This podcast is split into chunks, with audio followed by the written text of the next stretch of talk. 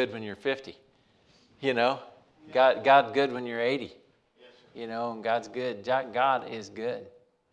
And uh, so here we are. Here I am, um, filling in the gap. Uh, just, uh, you know, we was talking this morning about uh, Bobby Harrell coming, uh, voting on him. Uh, here we are, just standing in the gap and wanting to keep keep things rolling. So today, uh, I got a little something for you. Um, I'm, I've never been too big into titles, you know. Uh, nothing wrong with that. Um, I just, for me, I've never been one to put a title on too much of things. But I was sitting around last night and I was kind of thinking, uh, I thought the title of this today would be When We See Jesus. And uh, I was thinking about that, and I thought if I was to put a title on what I have for you today, it would be When We See Jesus. And I was, I was thinking about that, I was getting some stuff ready, and I, I was thinking about the song, What a Day That Will Be, When My Jesus I Shall See. You know, as I get started here, I'd like, I'd like God to be the biggest part in this, not me. And Stuart, would you ask God to bless this message here today? Heavenly Father, we thank for this time, Lord, we come and hear your word and have Wes preach what you gave him today, Lord. We thank for everyone that could make it today. We just thank you for the good day given us. And we thank you for your blessings. Jesus' amen. Amen. And as we think about that, when we see Jesus and I kept thinking about that song that we sing. We sing it a lot, and I like it. Is uh, what a day that will be when my Jesus I will see. And you know, as I and the more I got to dwelling on that, I kept thinking, um, what will it be like? And, and and I kept thinking, I don't I don't know. I don't know that there's anything that we can do here on earth to really, really prepare us for meeting Jesus face to face. I know we have, we have the Bible, and, and I know the, the Bible instructs us through all things. But you, you grasp that thought of being face to face with Christ. Man, what a day that will be. What a what an awesome day that will be when we see Jesus. What will it be like to meet the one that saved you? to grasp to grasp the thought that I'm saved. We know we're saved. If you're saved in here, if you've been born again, we know we're saved. But to meet the one that made that way Amen. for you to be saved, man, that's big medicine. That's big stuff. To meet the one who forgave you of your sins. Yes, to meet the one that forgave you of your sins. You know, the one, to meet the one that gave you newness of life. Man, you start, start thinking about these things and start dwelling on when we see Jesus. And it's the thought I want you to get stuck in your head here this morning. When we see Jesus, what things will be like.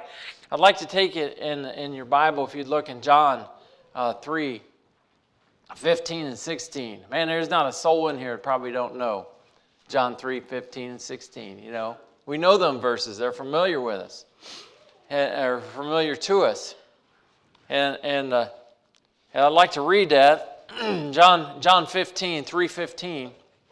I like to think about that just for a second. It says, John 3:15, it says that whatsoever, that that whosoever, I'm sorry, that whosoever believeth in him should not perish, but have everlasting life.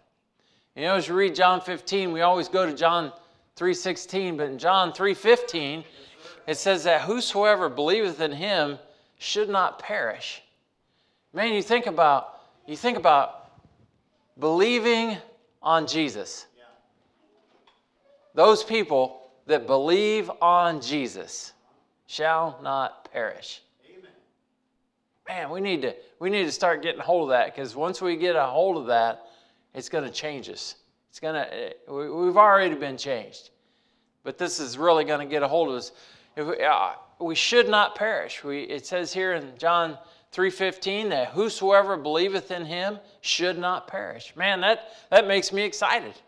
You know, that we should not perish. You know, I remember when when I when I got saved. You know, when I when I got saved, I didn't I wasn't focused on the good things that God could give me. I wasn't focused on the fact that uh, that that God is going to bless me in so many ways that I, I can't even fathom it. You know, I wasn't focused on all those things. You know what I was focused on? Perishing. I was focused on going to hell. And you know, I, I knew, I knew enough that I believed in God and I believed in a place called hell. And I knew I was going to that place called hell. And I kept thinking, man, one day, one day I'm going to die and I'm going to perish. And when I got saved, that was my focus that God would save me from a devil's hell. Amen. That God would allow me to not perish. Isn't that an awesome thought? That God has made a way that we would not perish. You know, I think, I think today, if we could get a glimpse, if we could get a glimpse of hell, if we could get a glimpse of what it means to perish, it would change us. It, it would, it, I believe it would change the believer, and I believe it would change the non believer. You know, if the non believer could get a glimpse of hell, I, I think you would, if you could actually, you know, and I know you've heard this a million times, but if you could open up a trap door and look down into hell as a non believer, you would not last long before you believed in Christ. If you could just see that, what's taking place. And as a believer, as a believer, if we could get a glimpse of what hell is really like, I tell you, you'd be beating on your neighbor's door. You say, hey, yo, you don't want to go there. You absolutely, I believe it changes. You know, Satan has done an awesome job. Satan's done a great job of convincing men that hell is not real. Right. You know, that, yeah, when you die, uh, if you die without Christ, you, ah, you'll be all right. You know, hell's not that bad. It probably ain't even there. You know, in all reality, we're probably all going to go to heaven. You know, hey, all dogs go to heaven. All people, you know, surely they all go to heaven. No. Bible says in, in John 3.15 that whosoever believeth in him shall not perish. You know what that tells me? That tells me if you don't believe in him, you're going to perish. You're going. You're going not to heaven. You know, anyways, in John, John 14, if you turn over there real quick, John 14, 6, it says, John 14, 6, it says, Jesus said unto him, I am the way, the truth, and the life. No man cometh unto the Father but by me. You know, look at that. As, as we think about this, Jesus said in John 14, 6, He says, I am the way. I am the way. You know, man, I, I, I'm going to heaven. And you know how I know I'm going? Because I know the way. You know the way is Jesus Christ. You know, you go on, we just got back from vacation. You know, you don't have to know anything anymore about reading a map. Reading a map is, is old news. You don't even have to own a Rand McNally. Rand McNally was the closest thing to the Bible that you could find. And, you know, it's, it's like that's the real deal. People don't even know what that is anymore. You know, you, you Google it. And, you know, if you want to go from here to Spickard or here to wherever, Gulf Shores, Alabama, you just talk to your phone. You say, hey, can you get me there? And man, it'll, it'll print you two different ways, maybe three. But you know what? The Bible says that Jesus said, I am the way. You know, Google, he'll put you out two or three different ways, two or three different avenues. You'll be coming down the road, and all of a sudden it'll, it'll get a flash up there that says, hey, traffic alert. You know, I can save you three minutes if you turn right in a thousand yards. You know? Man, you're on it. It don't work for going to heaven. Oh, that works. But if you're looking to go to heaven, there's the way, which is Jesus Christ. The world is flashing signs. Hey, I got a shortcut here. I got a shortcut there. That's right. You know, Jesus said, I am the way, the truth, and the life, and no man, no man cometh to the Father but by me. Man, without Jesus Christ, without coming to the Father other than Jesus, you will perish. Yes, Perish. Man, if we could get our eyes wrapped around, our minds wrapped around perishing, I think we'll have something. Proverbs 8, 835, you turn over there real quick if you'd like. Proverbs 8:35. It says, For whosoever findeth me findeth life. Man, I like life. I like life. But I'm after this next life. It's what we need to focus on. Jesus, Jesus said in, in Proverbs 8:35, For whosoever findeth me findeth life, and shall obtain favor of the Lord. 1 Timothy 2, if you turn over there real quick.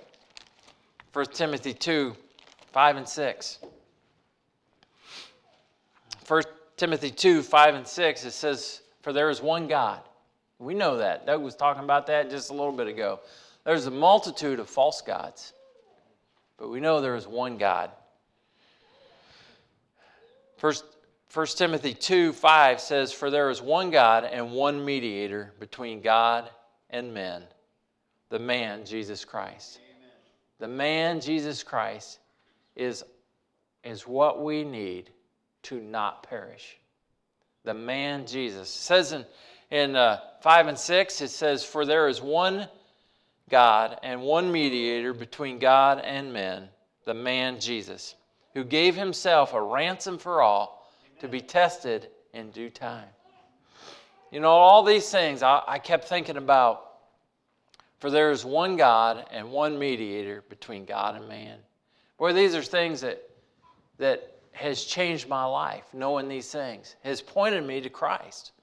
You know, I was, I was thinking about these things and how, how it's so important to have, to know this mediator how important it is in your life as you live here on this earth, how important it is to know the mediator.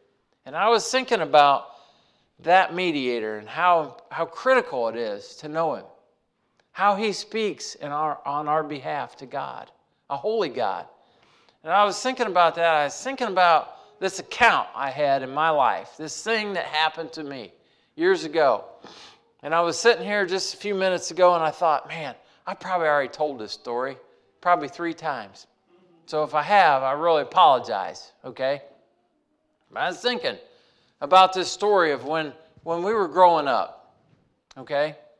And we was living in Lodi, and where, where we lived, it was not really out in the country, but it was a little ways out of town, about a mile out of town. We lived on a blacktop road. And right where mom and dad lived, we had about six neighbors, maybe seven neighbors. And, and the closest neighbor that we had was about as close as the width of this room. The old lady lived in a house next to mom and dad. And the furthest out of those six or seven houses was about like walking from here to the hotel, maybe somewhere up around that gas station. And our next door neighbor was uh, a lady, I can't even remember her first name but she was old ever since I knew her. She's since gone, but her name was, we called her Grandma Sturger. She wasn't our grandma, but that's what we called her.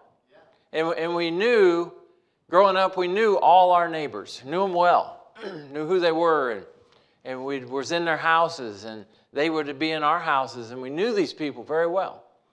And as a lady, a family lived across the street, back across this field, lived in an old trailer, just set up in the field uh, Seals, Kay Seal, called her Aunt Kay. You know, we weren't allowed to call her by her first name Kay, and she didn't like Mrs. Seal, so she became Aunt Kay.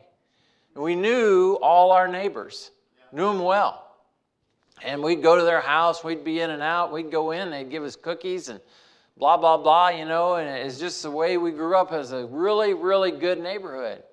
And, and it, was, it was just fun to run around there. You didn't get in trouble or you know, it was just they, they liked you. And as we were growing up, all the neighbors were exactly the same, year after year after year.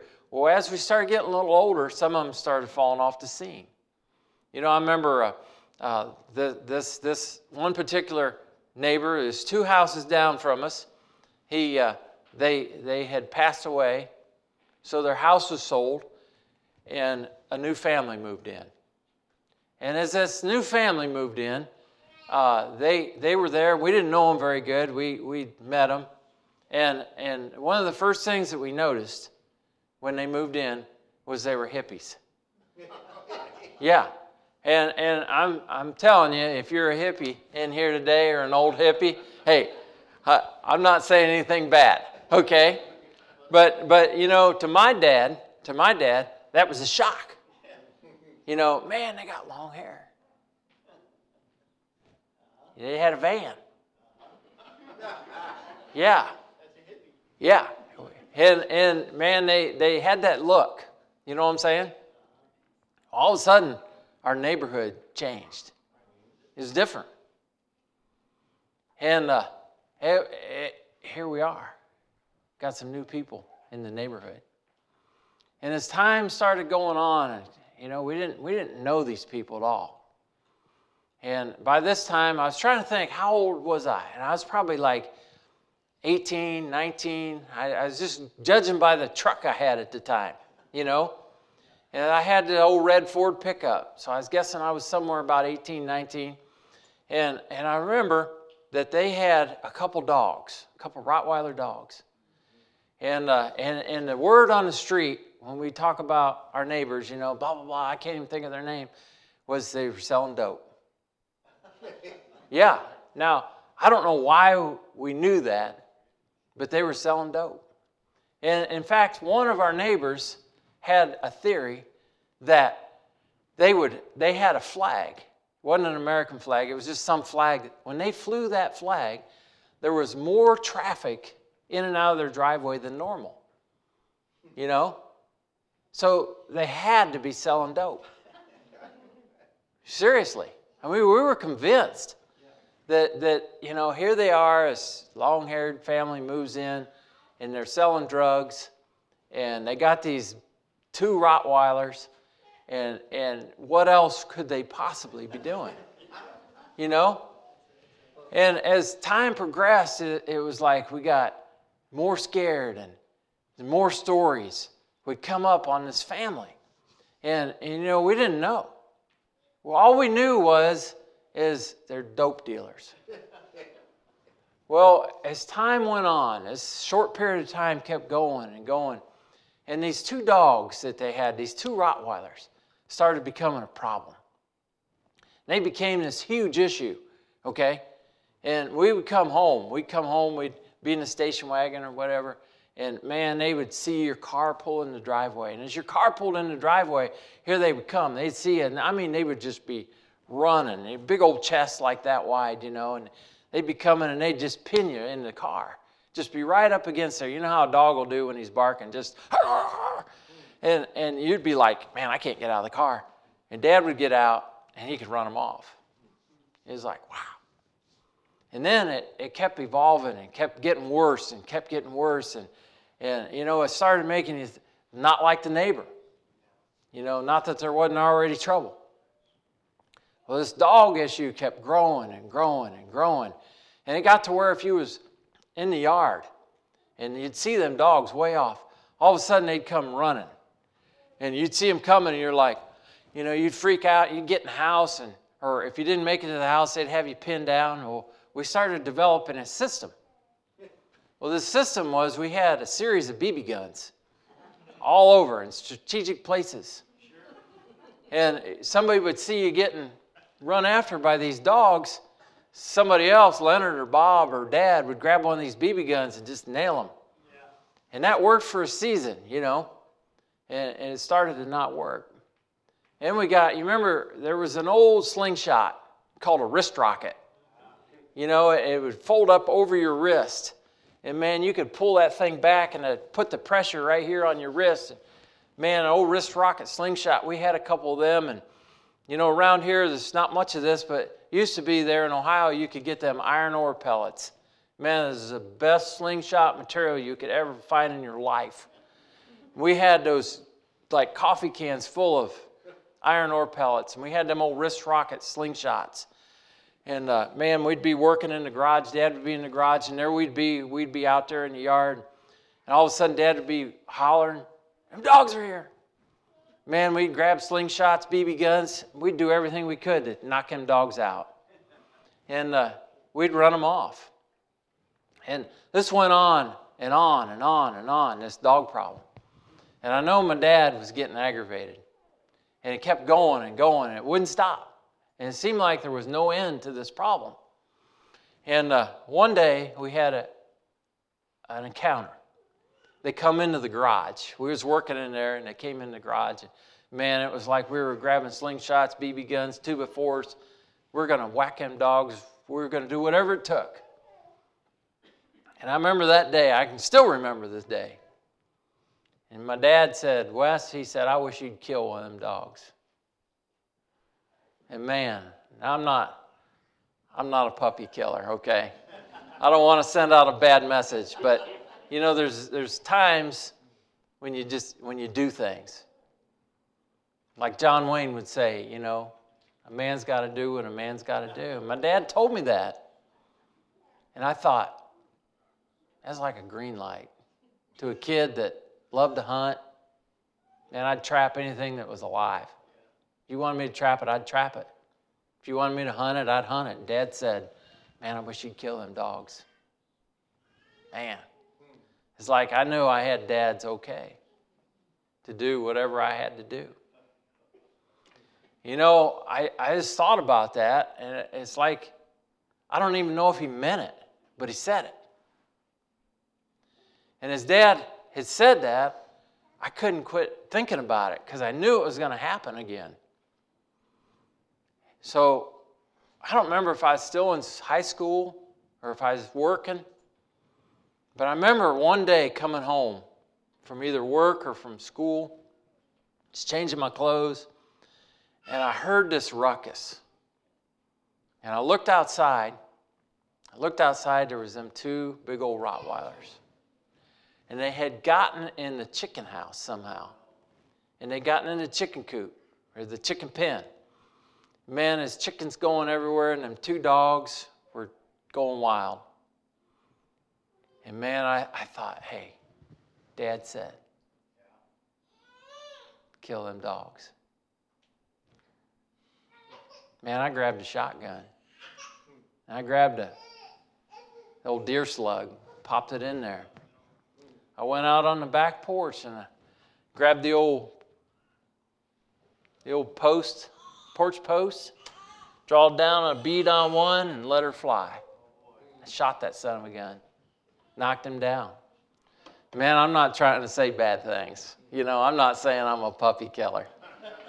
But I tell you what, I shot that dog, knocked it off its feet. There it laid. I know that's not a pretty story. But that dog was there on the ground, and I tell you, immediately I panicked. I thought, oh my goodness, I just killed the neighbor's dog. I mean, I was scared. So I didn't know what to do. So my instinct was, I got to get rid of this thing. So I jumped in my truck. I pulled it down across the yard, down in the backyard, dropped the tailgate. Dropped the tailgate down. I was going to get ready to load it up, and it wasn't dead. I thought, man, what do I do? So I thought, well, I'm going to have to kill it. Just about then, I heard a neighbor holler. And I looked up, and I see him coming. It was the long haired hippie neighbor that we had you know. Man, I was I was 18, 19 years old. I just killed my neighbor's dog, and here he come. I was I was scared to death. I took that gun. I thought, man, what am I going to do? So we had an old playhouse, an old chicken house right there. And I opened the door and I jumped in that chicken house. And he was coming. I could see him coming. As I stood there, I thought, man, you got you got to go out there. You got to go out there and you got to face this. So I thought, I don't want to go out there with a gun. So I laid that gun up in the corner. Kept looking out the crack in the door, and I thought, man, I gotta go. I gotta go out there. So pretty soon I opened the door. I walked out there, man, he was coming. And that guy was about like Matt Nichols' size. He's a big guy. He was coming across that yard. Man, I was I wasn't as big as what I am now. You know what I'm saying? And here he come. He come up there. He said he was so mad. That guy was as mad as I've ever seen anybody at me in my life. And he started screaming and cussing and yelling. He said, What in the world did you just do? I didn't say anything. He said, What are you going to do with my dog? He said, Was you going to load it up and go throw it in a ditch? I said, Yeah. Man, he was mad. He pulled a gun out. He had a pistol. He pulled a gun out. He put a shell in that thing. And I honest to goodness thought he was going to kill me, is how much he was yelling. And he reached down and he shot his dog. Which I know that's a bad story, and I'm not, I'm not saying that's a good thing, but it happened. He shot that dog. That dog was laying there dead. And he didn't quit yelling. He was still mad. And he was like right on me. He said, What are we going to do? I didn't say a thing. What could I say? He said, You're going to take this thing home to my house. I said, Okay. So we loaded that dog up on my pickup. We didn't have to close the tailgate because we weren't going far. And we loaded that dog up and we pulled out of mom and dad's driveway. We went down two houses, pulled in his driveway. He, he said, back that dog up to the garage. So, well, the truck. So I, I pulled the truck up. I was backing up. And we just stopped. I turned the truck off and we opened the doors. And his wife, his wife come rolling out of the house. And I'm telling you what, you think that guy was scary. This woman come out of the house and she was she was screaming.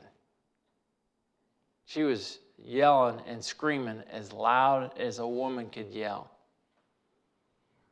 And she wanted to know who killed her dog. I mean, she was, I mean, that guy was mad. This lady was crazy. She come out of there and she was yelling and screaming and she was she was going to hurt somebody. And she wanted to know who killed that dog. And man, I tell you, as I was standing there, I didn't know what to do. Man, I was like 18, 19 years old. And that lady was coming fast. And she come out there, wanting to know who killed that dog, and that guy.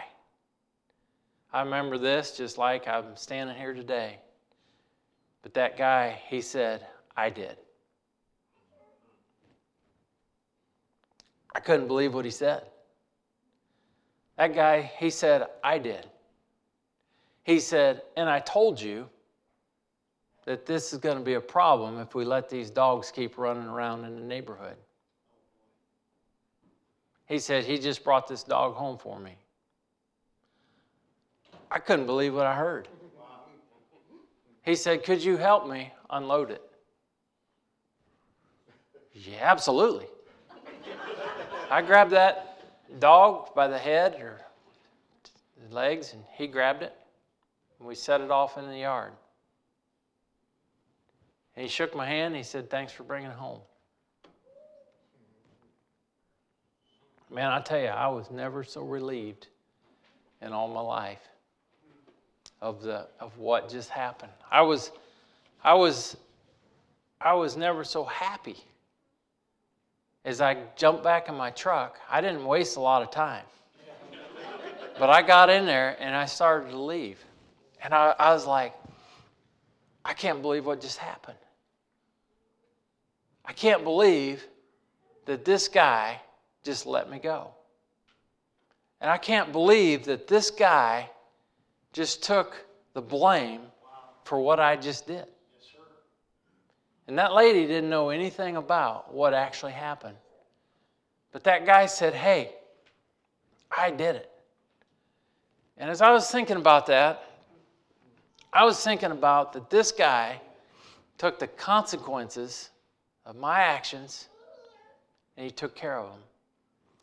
As I was thinking about that, man, I was thinking about when we see Jesus.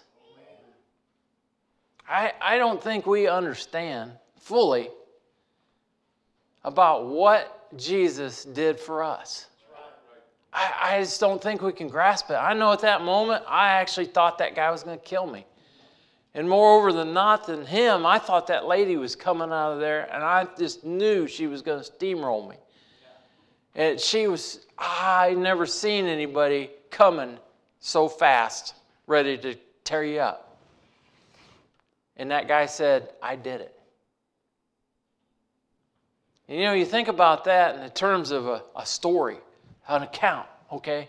Yeah, I know it's not story time, but it happened. It was a real event. And I think about 1 Timothy 2 5 and 6. We've already read it. But it says in here in 1 Timothy 2 5 and 6, it says, For there is one God and one mediator between God and man, the man Jesus Christ. You know, I was thinking about that. I was thinking about that man, Jesus Christ, my mediator between me and God. And I was thinking, how many times, how many times in life has that mediator went to bat for us? How many times has the old devil stood before Jesus and said, Hey, Jesus, I got to tell you about something that David Chamberlain did. I, I, I want to tell you about David Chamberlain doing this. Jesus said, No, I did it. You know, how many times has, has the devil come before Jesus and said, Hey, Jesus, I want to talk to you about Chandler Hill. I want to talk to you about Chandler. I've got some good stuff on Chandler. He did this. I've seen him do it. I've seen him do it. Jesus said, No, it was me. It was me that did that. See, when Jesus died on the cross, he not only rose again, but as he died on the cross, he took upon all our sins upon him. Not only took upon our sins, paid the price for those sins. Those sins have a penalty, those sins have consequences. The penalty that was supposed to be there for us, Jesus said, No, I'll pay that penalty. Man, isn't that something? You start thinking about what Jesus Christ has done for us throughout our life, throughout our whole life. The things, the things that the devil could throw in our face and say, uh uh-uh, uh that guy is not a Christian. There's no way. Right. Can't you see Jesus saying, oh, yeah, yeah, he is. I did those sins. I committed those things. Those things are on me. Put them on my account. You know, when we stand before Jesus Christ, you think about 1 Timothy 2 5 and 6, we have one mediator. When we see Jesus, when we see Jesus, when we see Jesus, it could be the greatest day of our lives. And it will be. I believe, I think that, I think when we see Jesus Christ, I think, I, I just don't think, I don't think we can say enough what it's going to be like. I don't think we can, I don't think we can plan to say, oh, Jesus, I'm going to tell you this or tell you that. I don't think there's words we can say other than thank the Lord that you saved me. My goodness. Or it could be the worst day of your life could be the worst day of your life when you stand before Jesus. Can you imagine what would have happened if when I went down to the neighbor's house, if that guy wouldn't have convinced that lady that he killed that dog, can you imagine how that would have went? It wouldn't have went good. I guarantee you. But you know, when you stand before Jesus without him being your mediator, without him being your advocate, if you stand before God, a holy God, without Christ, you have one place to go. And that's not in heaven. That's where it talks about John 3:15 will perish. Will perish. Without Jesus Christ, our advocate, our savior, our redeemer, without Jesus Christ, we will perish.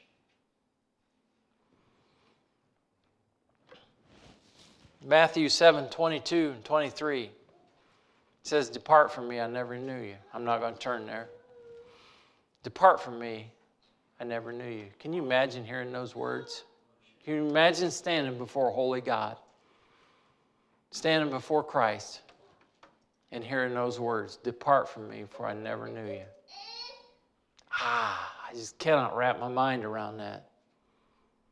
How that would feel. You know, as we get ready to close out, Rob, if you want to come up and kind of get ready. I don't know what we might have for a invitation song. If you want to start playing just a little bit.